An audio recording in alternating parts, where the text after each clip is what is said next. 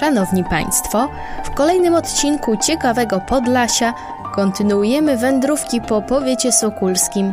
Dzisiaj ruszymy na północ. Na naszej drodze Dąbrowa Białostocka, Suchowola i Korycin. Karolina Ignaciuk, zapraszam na kolejną wędrówkę.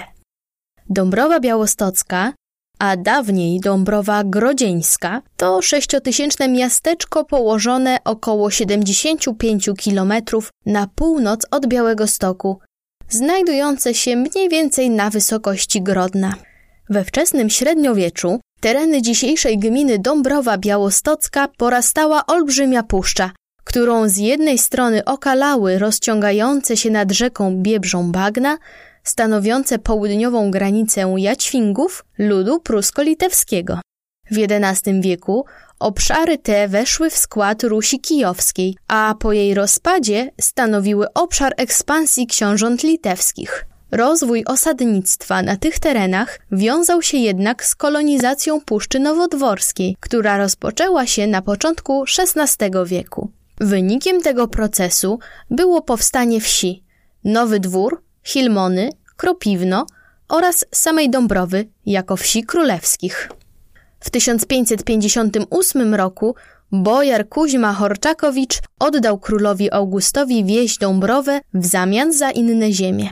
Reformy gospodarcze królowej Bony oraz korzystne położenie na skrzyżowaniu szlaków handlowych spowodowały szybki rozwój Dąbrowy, dzięki czemu już w XVII wieku stała się ona osadą targową. W XVI i w XVII wieku powstała również część istniejących do dzisiaj wsi położonych na ziemi dąbrowskiej, Nierośno i Bagny. Splendoru tym terenom dodała letnia rezydencja w Kamiennej, czyli wsi położonej w pobliżu Dąbrowy, należąca do Piotra Wiesiołowskiego, dzierżawcy leśnictwa perstuńskiego i nowodworskiego, a później marszałka nadwornego litewskiego. Był on fundatorem wybudowanego w XVI wieku kościoła świętej Anny, który zachował się do dnia dzisiejszego i jest najstarszą drewnianą budowlą na Podlasiu. W pobliskim Różanym Stoku, dawniej Krzywym Stoku, tak się bowiem nazywał, osiedlił się ród Tyszkiewiczów, fundatorzy łaskami słynącego obrazu Matki Boskiej oraz budynków klasztornych. W 1712 roku Dąbrowa zostaje po raz pierwszy wymieniona jako miasto. Prawa miejskie otrzymała w latach 1772-1775 dzięki staraniom podskarbiego litewskiego Antoniego Tyzenhausa. Po trzecim rozbiorze Polski Dąbrowa na krótko weszła w skład zaboru pruskiego i otrzymała rangę miasta powiatowego. Całą administracją kierowali Niemcy – dla których zbudowano protestancki zbór, później wykupiony przez Żydów. Po traktacie w Tylży Napoleon przekazał cały obwód białostocki Rosji. Skutkiem tego był spadek znaczenia Dąbrowy do rangi przygranicznego rolniczego miasteczka w powiecie sokulskim. Po powstaniu styczniowym represje dotknęły wiele majątków znajdujących się na terenie obecnej gminy Dąbrowskiej, zostały one pod przymusem sprzedane Rosjanom. W samej Dąbrowie ostał się jedynie majątek ziemski, Kalno, gdzie mieścił się czołowy zarząd rybołówstwa śródlądowego. Kalniańskie stawy wykopali skazańcy, skazani w większości za działalność polityczną wrogą caratowi, w tym również Polacy, którzy brali udział w powstaniach narodowych. Majątek Kalno, niegdysiejszy dwór z siedzibą administratora klucza kalniańskiego oraz czworaki zostały rozparcelowane po II wojnie światowej. W 1869 roku z inicjatywy proboszcza księdza Fordona rozpoczęto w Dąbrowie budowę nowego neogotyckiego kościoła. Pierwsza wojna światowa to dla Dąbrowy i okolic okres okupacji niemieckiej. Uciekające przed Niemcami mniszki wywiozły w 1915 roku w głąb Rosji obraz Matki Boskiej Różanostockiej, który tam zaginął. Okres międzywojenny to dla Dąbrowy czas powolnego, ale stałego wzrostu liczby ludności. Powstawać zaczęły liczne warsztaty rzemieślnicze, rozwijał się handel i ruch spółdzielczy. Powstały również dwa młyny motorowe oraz sześć wiatraków. W latach dwudziestych swoją działalność wznowiły kaflarnia i olejarnia, a w późniejszym okresie powstał zakład mleczarski oraz mała fabryka cukierków. W 1936 roku w mieście istniało około 110 drobnych warsztatów rzemieślniczych, głównie żydowskich. Przed wybuchem II wojny światowej istniało ponad 80 sklepów z branży spożywczej i mieszanej, które głównie były własnością Żydów.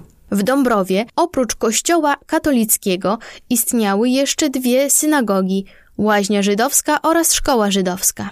Szkolnictwo rozwijało się również w pobliskim Różanym Stoku, gdzie od 1922 roku rezydowały siostry salezjanki, które założyły szkołę dla dziewcząt oraz dom sierot. We wrześniu 1939 roku Dąbrowa Białostocka dostała się pod okupację radziecką. Młodzi ludzie byli przymusowo wcielani w szeregi Armii Czerwonej, a miejscową ludność przymuszano do budowy wzdłuż biebrzy linii bunkrów, tzw. Tak grodzieńskiego i osowieckiego rejonu umocnionego. 22 czerwca 1941 roku na te tereny wkroczyli Niemcy, którzy prawie całkowicie spalili Dąbrowę. W czasie okupacji niemieckiej zagładzie uległa liczna, dąbrowska społeczność żydowska. Niemcy utworzyli dla nich getto w budynku obecnego kina i młyna. Osadzonych tu Żydów okupant wykorzystywał do budowy szosy na trasie Sokółka-Dąbrowa. Po likwidacji dąbrowskiego getta ludność żydowską początkowo przewieziono do Suchowoli, a następnie do obozu zagłady w Treblince, z którego tylko nielicznym udało się powrócić. Niemcy nosili się z zamiarem dłuższego pozostania na tych ziemiach, świadczyć o tym może fakt, że Dąbrowa miała nazywać się Gartenstadt, czyli miasto ogród. Zniszczenia wojenne i straty ludności spowodowały, że w roku 1950 Dąbrowie odebrano prawa miejskie. W 1956 utworzono zaś powiat. Przywrócenie praw miejskich nastąpiło w roku 1965. Na lata 60. i 70. przypada okres najszybszego rozwoju miasta. Powstało wiele zakładów produkcyjnych, gdzie zatrudnienie znaleźli nie tylko mieszkańcy Dąbrowy, ale i okolicznych miejscowości. Na terenie gminy zaczęły funkcjonować ośrodki zdrowia, szpital, szkoły średnie i zawodowe. Po reformie administracyjnej Dąbrowa jako gmina znalazła się w województwie białostockim. Rok 1989 przyniósł zmiany, które dotknęły również i Dąbrowę. Stopniowo upadać zaczęło wiele zakładów pracy. Zamiast produkcji zaczął się rozwijać handel. Nowa reforma administracyjna w 1997 roku wprowadziła nowy podział kraju, w wyniku którego Dąbrowa znalazła się jako gmina w obrębie powiatu sokulskiego w województwie podlaskim. W Dąbrowie Białostockiej, oprócz kościoła katolickiego, istnieje oczywiście parafia prawosławna. Przy ulicy Kopernika 10 znajduje się cerkiew świętego Jana Teologa z przełomu XIX i XX wieku. Jako ciekawostkę możemy dodać, iż w Dąbrowie Białostockiej urodził się m.in. Piotr Sidorkiewicz, pierwszy polski gracz NHL, czyli północnoamerykańskiej ligi hokeja na lodzie, ale co nas, prawosławnych, bardziej interesuje, urodziła się tam również matuszka Hermiona Szczur, przełożona monasteru świętych Marty i Marii na Świętej Górze Grabarce.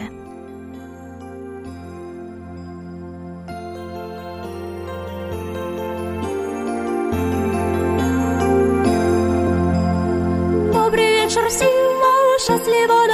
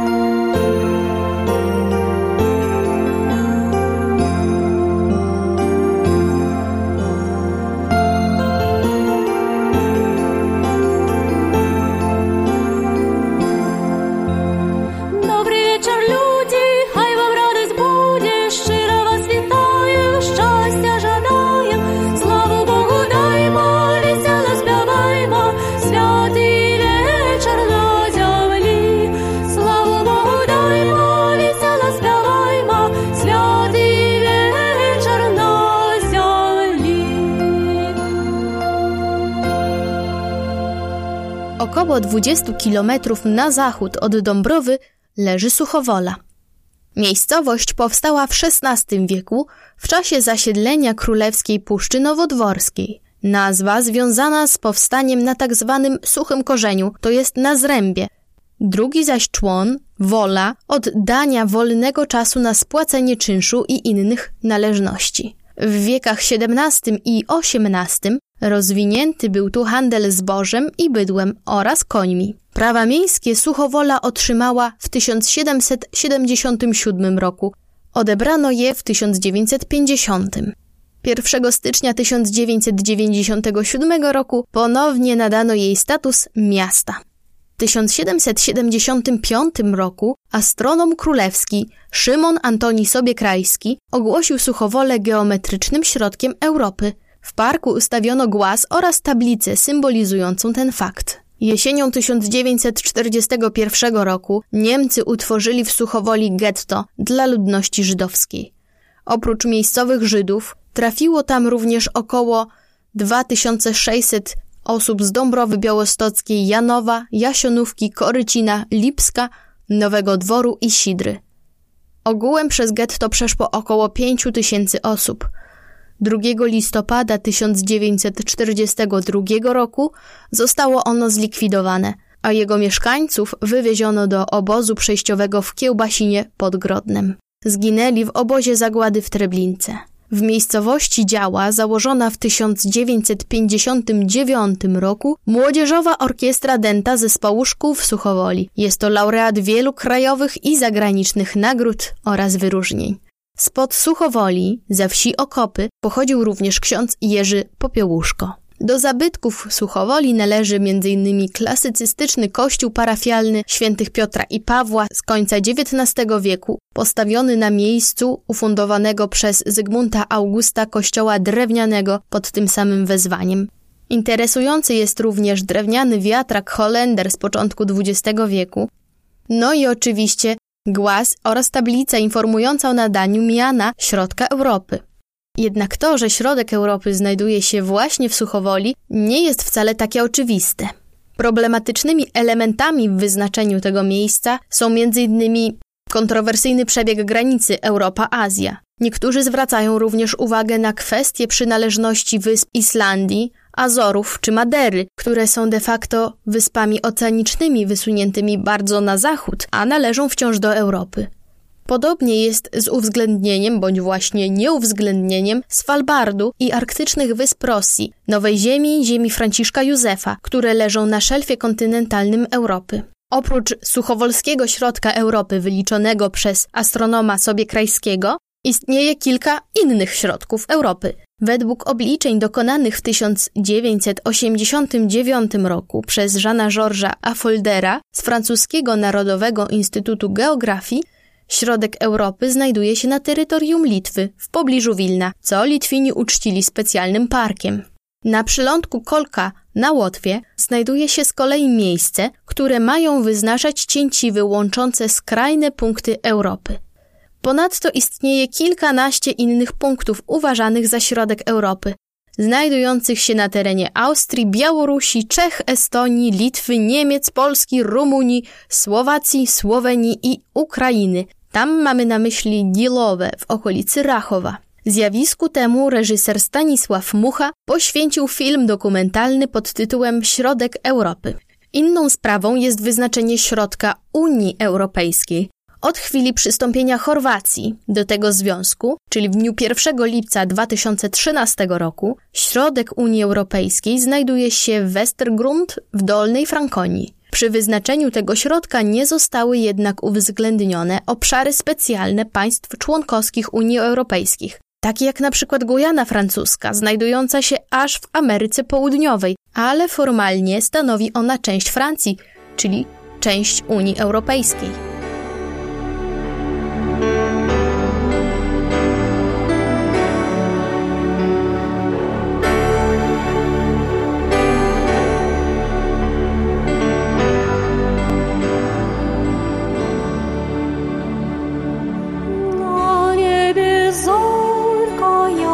Zazisyan, ilu bim sivet avisim.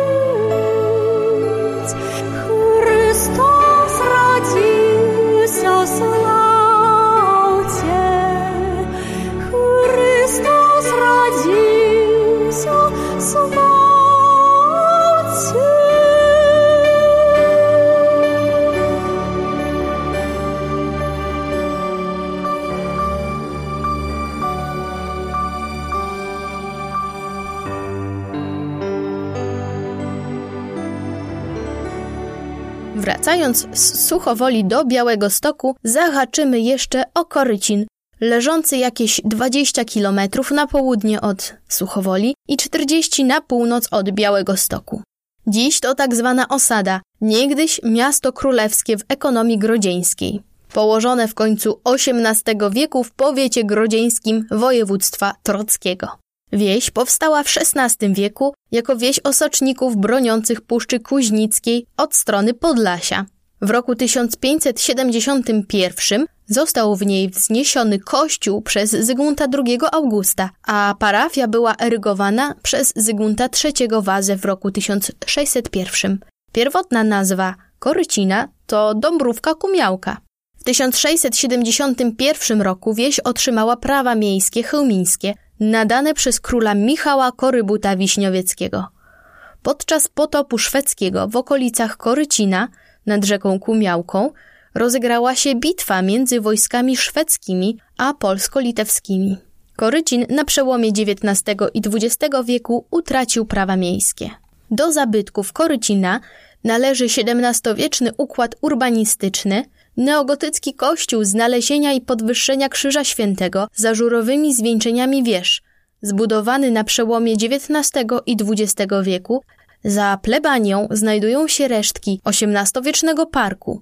W miejscowości znajdziemy także cmentarz żydowski z XIX wieku, cmentarz katolicki z początków wieku XIX oraz grodzisko słowiańskie z wieku X i XII w pobliskiej Milewszczyźnie.